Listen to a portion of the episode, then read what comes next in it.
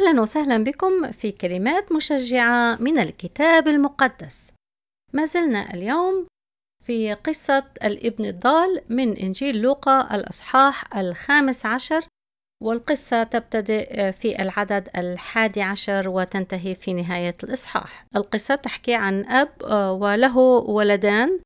الإبن الأصغر طلب أن يأخذ قسمه من الميراث قبل أن يموت الأب. وقلنا أن هذا ليس وارد في المجتمع الشرقي حيث لا يرث الإبن أي شيء حتى يتوفى الوالد. والآن نتساءل لماذا قبل الوالد أن يعطي الميراث؟ طبعا هي القصة رمزية هي مثل لنتعلم درس. وهذا الآب هنا في هذه القصة هو يمثل لنا الله. الله في محبته يعطينا الخيار. في هذه الحالة من المؤكد أن الأب قد ربى ابنه حتى سن معين ولكن في سن معين الابن يريد أن يأخذ الاختيار. والمحبة ليس فيها أسر والمحبة فيها حرية. وهذه صورة للآب السماوي. الآب السماوي يعطينا الوصايا يعطينا التعاليم الصحيحة يوضح لنا الطريق الصحيح ولكن الله بمحبته لا يقول لنا أنت ليس لك أي اختيار وإلا كنا أصبحنا كأي رجل آلي. فالله يحترم إرادتنا ولكن نحن يجب أن نحترم إرادته أيضا. هو يحترم حريتنا وهو لا يعاملنا كأننا آلات عنده وإلا كانت هذه المحبه مفروضة علينا وقسرية. لقد أعطانا الوصايا وبالوقت نفسه أعطانا الحرية لنختار. حين نقول أن الإنسان له في النهاية إما يذهب إلى الرب في السماء ويكون في سعادة أبدية أو يذهب إلى جهنم. بعض الناس يقولون ما هو هذا الله الذي يرسل الناس إلى جهنم؟ وكأن الله يرسل الناس إلى جهنم بإرادته وليس بإرادتهم. إن الناس حين يكون العقاب الأخير وتكون الهلاك الأبدي هو العقاب هو اختيار الإنسان لأن الله أعطانا الخيار. قال لنا إرادتي لك أن تخلص إرادتي لك أن تأتي إلى الحياة الأبدية. إرادتي لك أني أرسلت ابني الوحيد لكي يموت على الصليب لياخذ عقاب خطاياك. ولكن أنت لم ترد إرادتي. فقلت لا لا لا لا أريد إرادتك يا الله. أريد إرادتي أنا. وما إرادتك أنت؟ أن ترفض المسيح. فإذا الذهاب إلى الهلاك الأبدي هو ليس إرادة الله لنا. وهذا الآب هنا في قصتنا هو يمثل محبة الآب السماوي. الآب يحب ابنه ولا يفرض عليه محبة قسرية. المحبة لا تأتي بالإجبار. وهنا أعطى الابن الفرصة. والابن ذهب إلى الكورة البعيدة. والأب ما زال بالانتظار. نرى هنا منظر الأب حين رأى الابن من بعيد وركض. بالنسبة للآباء الشرقيين في عمر معين الرجل لا يركض.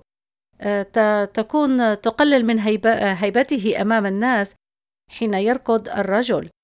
تخيلوا معي هذا الإنسان الوقور الذي عنده ابن ذهب إلى الكورة البعيدة وفي تلك البيئة التي تعتبر الخنازير أنجس ما يكون ويرى أن ابنه وصل إلى الحضيض وهو يعيش في مجتمع شرقي في مجتمع يتدخل في الكبيرة والصغيرة. نحن نعرف أن المجتمعات في تلك الأيام وما زالت هكذا في بعض البلاد يتدخلون في صغيرة وكبيرة. آه ابنك هل أتى ابنك؟ آه ابنك هناك. آه هو في الحظيرة البعيدة. آه هو ذهب. آه سمعنا أن ابنك يعيش حياة مسرفة. سمعنا أن ابنك أصبح فقيرا الآن. سمعنا أن ابنك يرعى الخنازير. هل تتخيلون العار الذي شعر به الأب حين بعد ابنه عنه؟ وهذا العار يجعل الأب يشعر بالغضب. ولكن هذا الأب في القصة لا يشعر بغضب على ابنه ولكن ما زال يتحنن يصلي آه، ينتظر العودة. وحين عاد الولد كما قلنا ركض ركض ولم يبالي بالذين حوله. لا يهمني ماذا يقول الناس ابني قد عاد فهو ركض يقبله. أتذكر قصة حينما كنت صغيرة. كنا في السوق وكانت أم تنادي أين ابني؟ أين ابني؟ أين ابني؟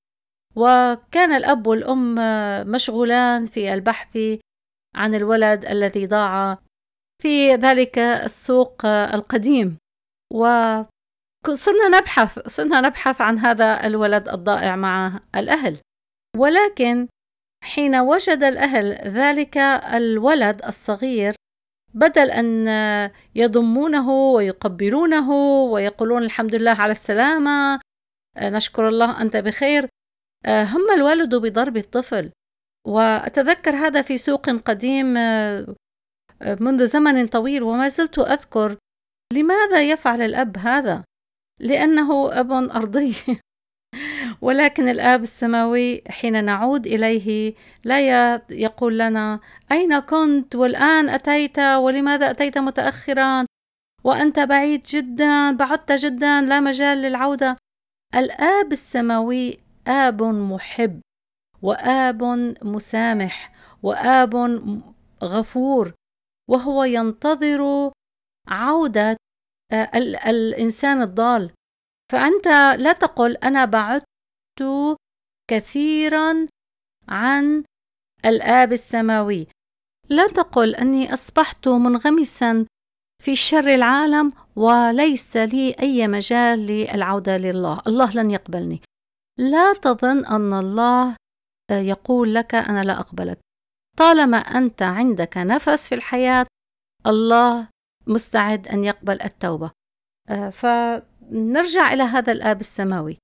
نرجع إليه نقول له يا رب أخطأت إلى السماء وإليك. والله السماوي يقول لك كل الذين يقبلوني آه، هم يصبحون أبنائي. هو لا يسمينا عبيدا بل أحباء. الله السماوي هو أبانا. حين نصلي الصلاة الربانية نقول أبانا الذي في السماوات.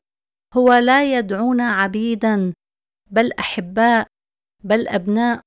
لقد قال الكتاب المقدس في إنجيل يوحنا عن الرب يسوع كان في العالم وكون العالم به ولم يعرفه العالم إلى خاصته جاء وخاصته لم تقبله. وانظروا هذه الآية لكم الآن. وأما كل الذين قبلوه فأعطاهم سلطانا أن يصيروا أولاد الله أي المؤمنون باسمه أعطانا السلطان أن نصير أولاد الله. وهذا السلطان حين نأتي إليه. نأتي إليه بالتوبة التوبة الحقيقية ونطلب السماح وهو إله محب ومسامح. شكرا لكم. نلتقي بكم في الحلقة القادمة. نهاركم سعيد من كلمات مشجعة من الكتاب المقدس. شكرا.